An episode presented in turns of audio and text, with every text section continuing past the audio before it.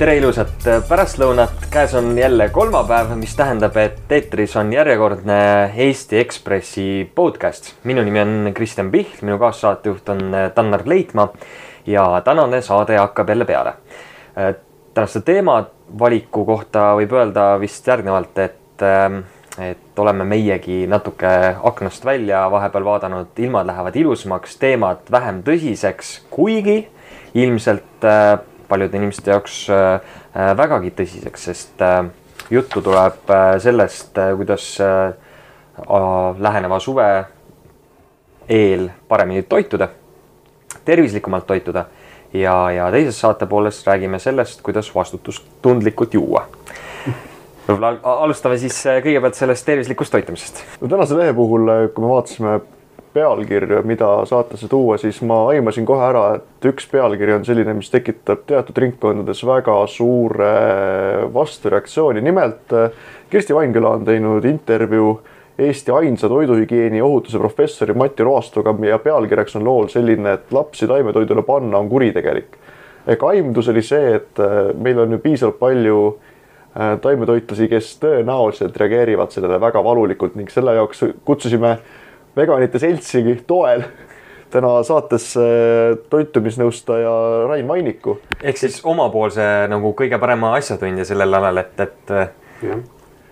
ühesõnaga, Rain Mainik, te olete, ütlesite enne saadet, et te olete üheksa aastat olnud taimetoitlane. kuidas sellisele lausele, et lapsi taimetoidule panna on kuritegelik, teie reageeriksite?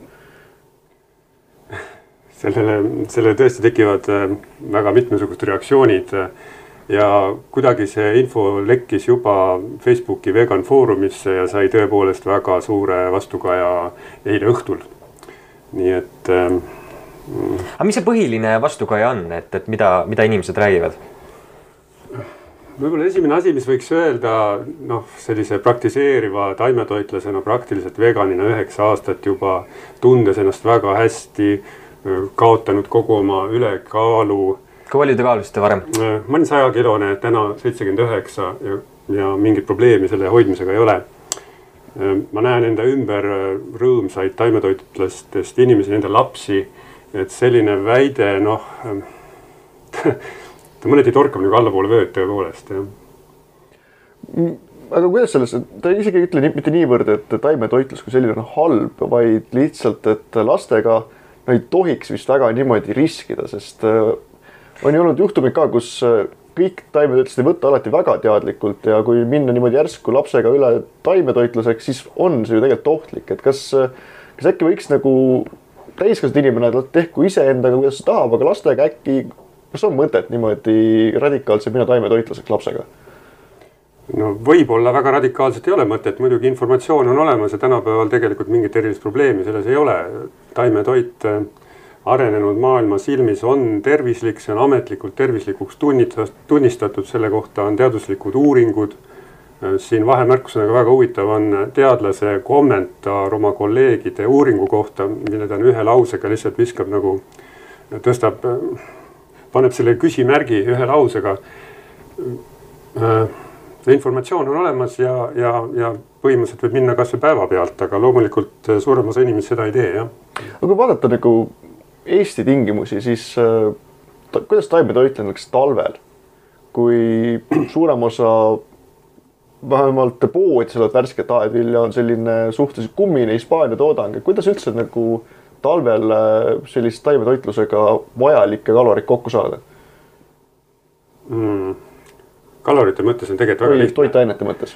jah, ja ka toitainete mõttes, kõik on lihtne ja informatsioon on olemas eestikeelne. vegan.ee on maailma parim praktiliselt taimetoidu informatsiooni allikas. vegan.ee, sealt saab noh kõike informatsiooni, mis vaja on selleks üleminekuks. Eesti kauplused muide saavad aasta-aastalt järjest paremini hakkama nagu üldse siin Eestis meil saadakse paljude asjadega väga hästi hakkama tegelikult, et süüa on. Te ütlesite, et te olete taimetoitlane, kas kas sinna alla läheb ka, kas piima te joote näiteks, siin loos on äh, öelnud äh, Mati Roasto, et tema näiteks eelistab lüpsisooja piima, et kas äh, see on ka teie jaoks välistatud? mina isiklikult olen ka laktoositalumatu, nii et minul piimatoodetega nagu mitte mingi igasugune suhe puudub. et aga ütleme, vegan toitumine, see tähendab ka piimatoodete vältimist ja seda väga paljud inimesed teevad. olete toitumisnõustaja, kas ja. kui tulevad näiteks, kas te ise soovitate enda juurde tulevatele näiteks klientidele, kes on lapsed juhuslikult, et taimetoitlus võiks olla nende jaoks äh, mingil hetkel väljapääs või alati näiteks väljapääs? või alternatiiv? no minu kogemus näitab küll, et taimetoidule üle minnes äh, ma praktiliselt võin anda garantii, et noh, kas inimene, kui tal on mingid probleemid, kas ta neist nüüd täielikult vabaneb, aga paremaks läheb küll. nii et selles mõttes ma seda alati soovitan jah.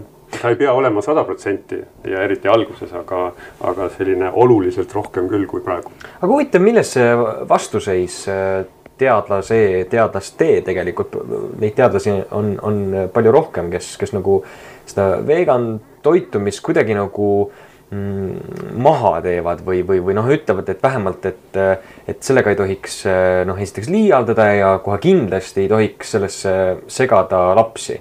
et milles see nagu vastuseis, et tavalisel inimesel praegu meid kuulates on võib-olla raske aru saada, et ta loeb lehest, et see on täiesti lubamatu ja teie ütlete, et, et te soovitate lausa ähm no siit äh, artiklist äh, eelkõige paistab välja üks päris levinud äh, vastuseisu allikas, ähm, autori, autori isiklik seisukoht. et ikkagi tänapäeva maailmas, kus taimetoitlasi on võib-olla kaks protsenti rahvastikust, suurem osa inimesi noh, võib-olla üldse ei mõtlegi sel teemal ja, ja ei, ei kujuta ette, tähendab, mis, mis see taimetoit on ja, ja ei oskagi seda soovitada, pigem tunneb hirmu lausa isiklikul tasemel noh, tegemist on ka siin äh, loomakasvatajaga ja, ja, ja veteraan, veteri-, veterinaarameti esindajaga mingil määral, nii et, äh, nii et äh, minu arvates oleks siia väga-väga hea olnud sellele artiklile ka kommentaar juba, juba trükisõnas anda, aga seda ei ole kahjuks tehtud. nüüd teiselt poolt on, juhin ka tähelepanu sellele, et tegemist on toidutehnoloogia spetsialistiga. ja mis tähendab seda, et ta tõenäoliselt ei ole mingit taimetoidu eriharidust, tal üldse pole. kas sellist üldse saab kusagil Eestis taimetoidu eriharidust? Äh, teadaolevalt mitte, seda tuleb ikkagi ise uurida, ma ütleks, noh, kodutöö tuleb ära teha. kuidas teie tegite? internet? internet, äh, kolleegid. Äh, keda te kolleegideks peate? erinevad no, toitumisnõustajad meil on, meil on Eestis siiski mõned inimesed on, kes on asja endale põhjalikult selgeks teinud. Ameerikas mul on paar head sõpra, kellega koos ma pakun ühte testi ja, ja nemad on koguni raamatu välja andnud taimetoidu alal ja neid, neid väga häid raamatuid eelkõige Ameerikast ja mõned ka eesti keelde tõlgituna on, on kättesaadavad. kui palju meil üldse neid toitumisnõustajaid äh, Eesti turul on? no olgem ausad, äh, pidevalt on kuskil mingi inimene, kes tuleb mingi avaldusega välja, ütleb, et toitumisnõustaja, need on suhteliselt, need avaldused on hästi erinevad, kes ütleb, et peab, soovitab süüa näiteks, ma ei, klaas piima päevas, ütleb, piima üldse ei tohiks ja nii edasi, et äh, kus kui te ütlete, et internetis võib õppida või te õpite, siis tegelikult ju võib internetis, internet on selline mõnus koht, et seal võib kõike leida tegelikult. kas, kas, kas on sellist kindlat standardit, mille järgi võib öelda, et see tervisenõustaja on tasemel ja see näiteks mitte või on see pigem sellise arvamuse edastamine? no toitumisnõustamise alal muidugi on jah, palju erinevaid suundi, on ametlikud soovitused, mis paraku kõikides riikides kipuvad käima ajast maas, nüüd Eesti oma tundub tulema mitte väga kaasaegne, järgmine. Mõned riigid, näiteks Holland, Soome on, on astunud ette, samm, mitu sammu ettepoole ja muuhulgas soovitavad ka taimetoitu täiesti ametlikult. Toitumisnõustamise puhul ilmselt tuleks võib-olla küsida, vaadata, mida ütlevad kliendid, et millised on tulemused ja samuti muidugi kuulates neid eh, erinevaid väiteid, erinevaid jutusid, siis küsida, kust on, kust on pärit tema allikad, et kas, kas on teadusuuringuid, mis, mis, kas on mitmeid piisavalt, piisavalt palju teadusuuringuid, mis kinnitavad neid väiteid. kas te oskate tuua ka mõnda väga sellist ekstreemset näidet, mis on teid mõne konkurendi või kolleegi puhul šokeerinud, üllatanud, näiteks mingi soovitus, mis on teie arvates nagu täiesti arusaamatu? tuleks tagasi selle tänase artikli juurde, et, et ikkagi väita, et taimetoit on kuritegelik, siis ja samas ta nullib ära siin kohe konkreetselt ühe väga konkreetse teadusuuringu, mis väidab vastupidist, siis tõepoolest võiks ju väita hoopis sellesama teadusuuringu põhjal, mis kus leitakse, et lihatooted tekitavad, võivad tekitada vähki, võiks öelda, et liha pakkumine on kuritegelik, kui nad võivad tekitada vähki. ükski taim ei, teadaolevalt ei tekita vähki. samas, kas see, see heitlus ei ole natukene ebavõrdne selles suhtes, et äh, Mati Roasto on siiski teaduskraadiga professor ja hästi palju teisi toitumisnõustajaid ka teie tegelikult olete just õppinud just nii-öelda ise interneti teel. Mm. miks ei võiks, miks te ei võiks näiteks äh, intelligentsi on, võimalust on, äkki näiteks mingi teadustööga ise see asi selgeks teha, et äh, ei oleks lihtsalt see, ma internetis lugesin mingit teadustööd, vaid ise jõuda kraadiga spetsialistiks. jah, neid kindlasti, kindlasti hakkab nüüd tulema, ma, ma ise ei ole seda teed läinud. Ähm, ma samas nüüd veel korra rõhutan ka seda, et, et tegemist on toidutehnoloogia spetsialistiga, toidutehnoloogia professoriga, kes on võtnud sõna kõrvalalal kas see probleem võibki olla selles, et jah. räägitakse nagu erinevatest asjadest, et äh, et veganid räägivad sellisest äh, enesetundest, sellisest äh, kaalulangetuse võimalusest, toitumisteadlane või toidutehnoloog räägib jällegi noh, mingi, mingist teisest, mingi teise kandi pealt, noh sellest, et kas mingisuguses toiduaines on mingeid kantserogeenseid ühendeid ja muud sellist, et nagu vaieldakse justkui äh, ühel spektril, aga tegelikult teema on äh, või, või põhiküsimused on hoopis nagu erinevad. jah, nii see võib. ja lihtsal inimesel on väga raske aru saada. ja nii see võib kindlasti. keda uskuda? kui palju teil endal on olnud mõne sellise professoriga toidutehnoloogia alal mingisuguseid siukseid äh, vaidlusi õlleklaasi taga, et, et mis see nagu õige lähenemine siis, siis ikkagi on. kas te õlut joote üldse? ma ei tarbi, ei tarbi alkoholi see on väga hea, arvestades selle saate teise poolega, et äh, üks, üks pool on väga korrektne selles suhtes, teine pool räägib meil käsid õlledest, nii et mm. -hmm. aga kui palju nagu on lihtsalt vaidlusi selliste teadlastega teil isiklikult olnud? Äh, artiklis oli jällegi, kui nüüd alkoholist oli juttu, siis soovitus iga õhtu tarbida klaas veini, no see on ka ikkagi väga vananenud arusaam juba ausalt öelda alkoholipoliitikast ja väga selline libe tee nii-öelda. minul isiklikult no kui palju on olnud, no mõni on ikka olnud jah. ja ega seal tõepoolest äh, pahatihti juhtub, et, et, et ei leiagi ühist pinda jah. ei olegi millestki rääkida. Eh, noh, rääkida ikka on, aga, aga, aga kui väärtushinnangud on, on niivõrd diametraalselt erinevad, siis, äh, siis selleks korraks on nagu raske küll kokkuleppele jõuda jah oota, aga tegelikult äh, toidu, toiduteema ja teadlased seal, see ei ole nii-öelda maailma, see ei ole humanitaarteadus, on siiski, no võtavad seda suhteliselt äh, reaalharuteadusena, vaatab, kuidas inimene reageerib teatud asjadele. et see, maailmavaade ei saa ju näiteks äh, osutada, ütleme füüsikas või matemaatikas, et kui palju on kaks pluss kaks et äkki, kas teadlased vaatavad tegelikult puhtalt fakte, mida nad näevad või on teie arvates antud harus äh, ka nende poolt väga palju sellist maailmavaadet, mis mõjutab nende äh, teadustööde lõpptulemust. nojah, seal võib-olla esimese asjana peab arvestama seda, et, ähm, et äh, toitumine on väga isiklik ja intiimne teema mm -hmm. ja need teadlased ise lähevad oma töö juurest edasi poodi ja, ja teevad isiklikke otsuseid mm. -hmm ja selles mõttes need, need väga segavad neid tegelikult, et seal sellist ratsionaalset suhtumist on, on äh, raske oodata, eriti kui ta on eluaeg harjunud nagu ühtemoodi sööma. siis inimene kipub mööda vaatama mingisugustest faktidest, mis, mis paist-, mis paistavad väga suurelt tema silma all tegelikult, aga ütleme, kodutöö on tegemata mm. -hmm. teaduskraadi peab, sa pead ära tõestama, et äh, see. ja no seda saab teha ju mingisugusel kitsal erialal või noh, siin antud juhul siis toidutehnoloogia erialal ja, ja, ja tulles, tulles siis väitma midagi taimetoidu kohta, noh. kas te ütlete, ei ole veenev. kas te ütlete, et teadlased tegelikult ei tea taimetoidust äh, suurt midagi? see kipub nii olema jah, nii nagu suurem osa inimesi ei tea taimetoidust väga palju midagi, sest et äh, see ei ole veel äh, see revolutsioon ei ole veel toimunud, aga ta on toimumas, et siin märgid juba näitavad, artikleid on palju tegelikult taimetoidu poolt nii tervise, eetika kui ka keskkonna mõttes, just keskkonna, keskkonna argumendid tänapäeval hakkavad päris, päris suurelt kaaluma ja no muidugi eetilised argumendid on juba ajalooliselt, et siin laulja Paul McCartney on öelnud, kui, kui äh, tapamajadel oleksid seinad, siis ei sööks keegi lihatooteid, eks ole, et aga me, me lihtsalt ei tea, meie eest on peidetud see äh, toidutehnoloogia, see kole pool. kas mahekana näiteks, kes vabalt ringi jookseb, kas tema liha on näiteks okei okay süüa eetiliselt?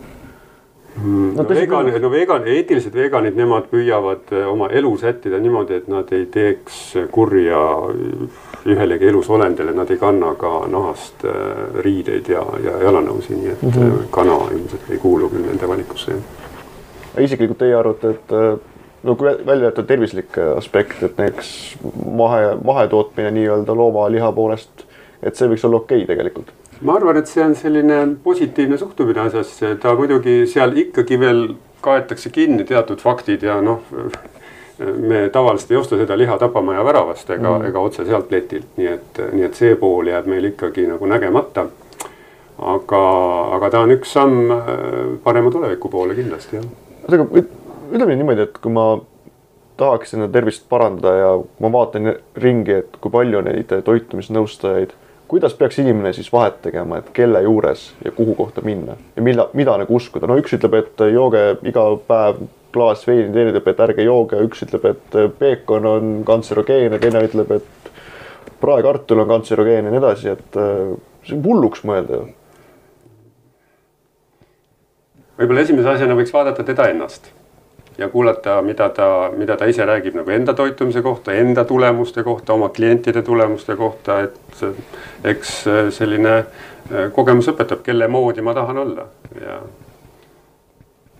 on eh, mitmeid ülekaalulisi toitumisnõustajaid, no ma ei saa sellest kontseptsioonist hästi aru, aga, aga nad on ja, ja eks siis igaüks tahab kuulata seda, mida talle meeldib. Rain, praegu kella, kell on kusagil pool kolm, et äh, mis te täna söönud olete? Mm, täna minul juhtus olema tatrapäev ja palju puuvilju ma söön ka. puhas tatar ainult mm,? aurutatud köögiviljadega. ja puuviljadest? oo, täna oli suur valik, olid, no hetkel see valik ei ole väga suur, aga meil juhtus kodus olema nii mangosi, kiivisi, ananassi, banaani muidugi alati kui tihti te oma isudele järgi annate, sellistele lubamatutele isudele? Need ongi minu isud. mulle meeldivad mangod, kiivid, ananassid, mulle meeldib. kas vahel tahaks üht rasvast lihakäntsakat niimoodi mõnusalt ei, läbi praetud? ei taha, see, see läheb üle unes ka ei näe? tähendab, isud muutuvad, maitse-eelistused muutuvad, ma muidugi oma klientidele ka alati rõhutan, et selles uues elus nii-öelda on, on vaja leida endale uued lemmikud et äh, olgu need punased läätsed või mango või, või, või maguskartul või noh, või siis noh, poest ju leiab ka mingeid huvitavaid asju, nii-öelda šokolaadikooke, mis on tehtud äh, igasugustest loomsest vabana, noh, vegan, vegan variandid või siis äh, isegi jäätised on olemas riisi või, või, või soja baasil. sellega äkki siis esimese osa lõpetame ning äh, pärast pausi vist ei tee tuleb äh, stuudiosse Siim Nestor ning räägib sellest, et äh, miks on mõtet juua käsitolut, mitte seda, mis sa poest niisama saad. saadet ennast teeme täiesti alkoholivabalt, kinnitame. no nii, jätkame äh, toiduteemalist niivõrd-kuivõrd podcast'i ning teise loona ja teise inimesena on meil stuudios Siim Nestor, kes ei kirjuta ainult muusikast ja muudest imelikest asjadest, vaid seekord kirjutas pika loo käside õlledest. Siim, mis on Eesti parim käsitoru? Mm,? hetkel mulle tundub, et on Eesti kõige parem käsitööõlu üks Põhjala tehtud hapuõlu, mille nimi mul ei tule meelde. ah, see on ühe Berliini linnaosa järgi võetud nimi, nagu neil oli ka eelmine hapu, oli Kreutzberg, aga selle nimi oli, oota äkki ma leian siit. siit ülelavast selle. kuulajad ei näe, aga Siimul on ka vihik just nimekiri õlle nimedest, mis on kõige lahedam õlle nimi siis, kui sa, see Friedrich, äh, mis iganes ta nüüd oli, ei ole kõige lahedam nimi, aga neid nimesid on veel rohkem. ja Friedrich Schahn. see, mis mul ees on, see on äh, selle äh, käsitöö õllefestivali õllekava. mis inimestele antakse, siin on neid naljakaid või no hu- huvitavaid nimesid palju, sellesama äh, Friedrichshaini kõrval näiteks Acid Trip ja ja tagasi Etio- Etioopiasse ja, ja nii edasi ja nii edasi. kas need nimed kuidagi kajastavad seda ka, et, et millest, millest äh, need äh, nagu koostatud on mingites koostisosades? ja, ja tihti, tihti kajastuvad küll. näiteks äh, õlu nimi, nimega Berry White. selles kajast-, kajastubki see, et see on äh, õlle, õllesort on sellel American White Ale ja selle pruulimisel on kasutatud äh, mustsõstraid ja mustikaid ehk siis marju ehk berry, nii et aeg-ajalt kajastub, aga teinekord võ- võivad olla need nimed äh, lihtsalt sellised, mis on äh, selle pruulikoja, ma ei tea siis fantaasiavili. jah, fantaasiavili, et lihtsalt üks äh, lahe huvitav nimi panna kuule, aga räägi sellest äh, üritusest, kus sa eelmisel laupäeval siis käisid, et mm, -hmm. et, et noh, ma arvan, et paljud kuulajad ei teagi, et põhimõtteliselt juba päris mitmendat aastat toimub no mis on Tallinnas,. mis on kõige suurem erinevus näiteks käsitööõllefestivalil õllesummeriga? Äh,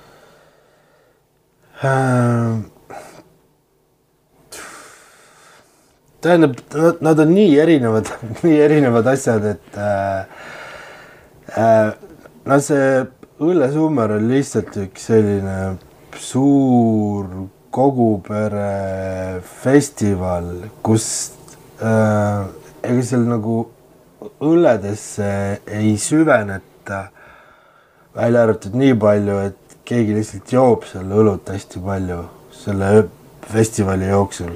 no aga, aga sellel käsitöö õllefestivalil äh, tõenäoliselt äh, joovad enamus inimesi kokkuvõttes vähem õlut kui seal õllesummeril, aga see iga, igat õllelonksu seal ähm, iga õllelonks seal ja ja ka õlle nuusutamine on seal väga nagu oluline ja tähtis samm, mida tehakse väga põhjalikult. inimesed, sa paned isegi nagu silmad kinni, nuusutad seda ja proovid äh, tunda kõiki, kõiki aroomi neid varjundeid, mis seal sees sa võivad olla. ja edasi, kui sa seda jood, siis samamoodi need kõvemad äh, spetsialistid oskavad eristada ka e- nagu esimest maitset, keskmist maitset ja järelmaitset seal õlul. ja no suur osa seal Tallinn Craft Beer Weekendil käijatest kirjutavad need maitsed omale paberite peale märkmikutesse ka üles kui ma aru saan, siis ühtegi purjus inimest seal näha ei ole, selles mõttes, kes mm. õllesummeri stiilis inimest. või on kõik ühtlaselt niimoodi purjus, et keegi nagu pahaks ei pane? tähendab, kui seal keegi pingutab üle ja jääb pu- purju ja on silmapaistvalt purjus, siis ta visatakse sealt festivalilt äh, välja, võetakse käepeal ära ja sinna ta tagasi ta ei saa, ma, ma nägin, kui ma laupäeval sinna jõudsin, siis ma nägin seal kahte soomlast, kellest üks oli tõesti nii purjus, et ta tuikus ja nad läksid sealt ära. tõenäoliselt nad ei saanudki sinna sisse, nii et äh, sellist asja seal ei ole jah. pluss ma veel ütleks siia tegelikult juurde, mis seal areeni artiklis, ma arvan, et jäi mul mainimata. et kui sa ostad selle pileti festivalile, saad seal käepaela, koos käepaelaga sa saad ka väikese klaasi see aasta oli see klaas veel väikesem kui eelmine aasta, väikese klaasi, kus on ära märgitud joonega viis millimeet-, milliliitrit ja kümme milliliitrit. ja nii palju sulle valabki nende, nende mõõtude järgi iga pruulija oma vaadist õlut. Siis viis millimeetrit, see on tegelikult vist isegi nagu viinapitsi suurune onju. aga, ja mul jäi mainimata, et et sa neid viie või kümne milliliitri kaupa võid sa sealt oma klaasist juua nii palju, kui sa jõuad, kui sulle mahub, nii et mm. tegelikult on äh, võimalik jah, loomulikult seal purju jääda. lisaks sellele päris paljud õlled, mis seal pakutakse, on äh, võrdlemisi kanged, üle kümne kraadised mm. -hmm. Siim, sa oled äh, pika kogemusega muusikakriitik, sa oled muusikast lugenud, sa oled muusikast kirjutanud, sa oled seda analüüsinud äh, igat, igast otsast. kas sa oled äh, oma õllefilosoofias, kummale sa oled jõudnud kui süvitsi sa oled nagu õlut nagu analüüsinud ja kas sul on ka nagu seda, mm, mida nagu keele, keelega ei tunne, kas, kui sa jood ühte õlut, kas sa tunned veel mingeid, mingit emotsioone peale selle maitse? kusjuures äh, tunneb küll, ta äh, paneb fantaasia ja paneb fantaasia samamoodi käima, võib panna nagu muusika, nii et äh, see maitse võibki seostuda sulle mingite kujutluspiltidega. Mm -hmm.. Noh, muidugi alates nendest konkreetsetest asjadest, mida see maitse meenutab, on ju. no noh, kui ongi näiteks Astelpaju marja maitse või siis lõppkokkuvõttes su enda mingite mälestustega või ma ei tea, kommikottidega. aga ma ei, ma ei ole selles äh, õlle nagu asjas nii süvitsi sees, et ma suudaks praegu hakata nagu õlle, õllekriitikuks näiteks. Mm. E-, Eestis tegelikult on ka väga häid õllekriitikuid, kui te tahate lugeda hästi lopsakat ja huvitavat äh, õllekriitikat, siis selle mm, politoloogi Karmo Tüüri õlleblogi on äh, vist Eestis kõige kuulsam neist ja noh, seal ikka, sealt ikka loed välja, milliseid ilutulestikke võib inimesel võib inimene oma suust täheldada, kui ta mingisugused, mingit õlut proovib. mis sinu jaoks on olnud kõige ootamatum äh, hetk? Äh, õludes, õlude proovimises või? jah. Äh, ma ei oska seda, seda niimoodi öelda, sellepärast et äh, ma, esiteks ma ei ole seda registreerinud ja tegelikult äh, siin sellel samal festivalil laupäeval käies oli, oli, oli mingis mõttes äh, neid ootamatuid hetki päris palju, kuna mitmete õlude maitsed olid tõesti nagu reaalselt üllatavad. et, äh, et, et ohoh, kas selline asi on ka võimalik ja isegi, isegi mõeldes äh, umbes sama küsimuse peale, mida ma mõtlen vahest äh, muusikat kuulates, mis mulle väga meeldib, sellepärast et ta on julge ja eksperimentaalne, mõeldes, et et kas see nüüd tõesti on ikka muusika, et äh, äkki see on midagi muud või noh, et, et, et ta nagu defineerib muusikat ümber, samamoodi oli seal õlusid, mille maitsed ka niimoodi äh, panid imestama, et, et ohoh, et kas see nüüd tõesti on äh, õlu kuigi tõenäoliselt veel inim-, inimesele, kes ei ole käsitööõllede maailmaga nagu üldse tuttav, ei ole neid eriti üldse proovinud, et see võib seal nagu päris ära ehmatada. et ta arvab, et see ei ole üldse õluga seotud asi. no käsitööõlled on muutunud nii populaarseks, et isegi suured meie Sakud ja A Le Coqid tegid nii-öelda mingeid ipasid ja muid asju, kas sa neid oled proovinud? Ma olen proovinud seda Saku oma, A Le Coq'i oma ei ole julgenud proovida. ma olen aru saanud, siis ühesõnaga kriitika nende puhul on äh, üleüldine, neid absoluutselt ei sallita nii-öelda õllegurmaanide poolelt. kui tihti sa üldse nagu sellist äh, tavalist õlut üldse joo-, jood viimasel ajal? ma ei ole tegelikult äh, viimasel ajal umbes pool aastat peaaegu üldse õlut eriti joonud isegi käsi, käsiturlet mitte? ja, ja ei ole nüüd, nüüd seal äh, nii Tallinn Music Weekil kui Craft Beer Weekendil ma tegelikult nagu jõin, aga üleüldiselt tavalist õlut äh, ma ei joo. ma, ma joon seda sellistes, olen joonud seda äh, väga äärmuslikes olukordades, ütleme niimoodi, et kui sa, kui ma juhtuks äh, ärkama üles kõrbes üksinda ja ma olen, ja mul on nagu totaalne pohmell ja midagi muud ei ole juua. millest see suurem äh, pohmell tekib, kas sellisest äh, hardcore äh, gurmaan-õllefestivalist või, või siis noh, näiteks Tallinn Music Weekist, mis ka on füüsiliselt tõenäoliselt päris raske käia, eks ole, päev-päevalt erinevatelt kontsertidelt läbi. on jah, no vot need, need, need asjad, need festivalid olid tegelikult nagu koos samal ajal, nii et ma päris täpselt ei saa võrrelda. tihti võib äh,, ei ma ei, ei, niimoodi ei, päris ei saa vist võrrelda muusika puhul, popmuusika puhul on see hea hiti valem see, et, et jääb kummitama, kas õlle puhul on ka, et mida suurem pohmell, seda parem õlu või? ei, tähendab asi, mis sind kummitama jääb äh,, on ikkagi see õlu maitse. See ja maitse ja võib-olla ka need äh, mingisugused, ma ütleks isegi, et füüsilised, füüsiliselt tajutavad tunded, mida ta su suus teeb. mõni õlu näiteks, mõne õlle puhul ma olen konkreetselt kogenud, justkui mu keel hakkaks pragunema vaikselt see, ta on, selle mõrudus on nii kõva, et ma tunnen, kuidas ta praguneb. siis tunned, kuidas keele peal nagu rullub või torgib, siis teistpidi jääb, jäävad kõrre mingisugused tunded.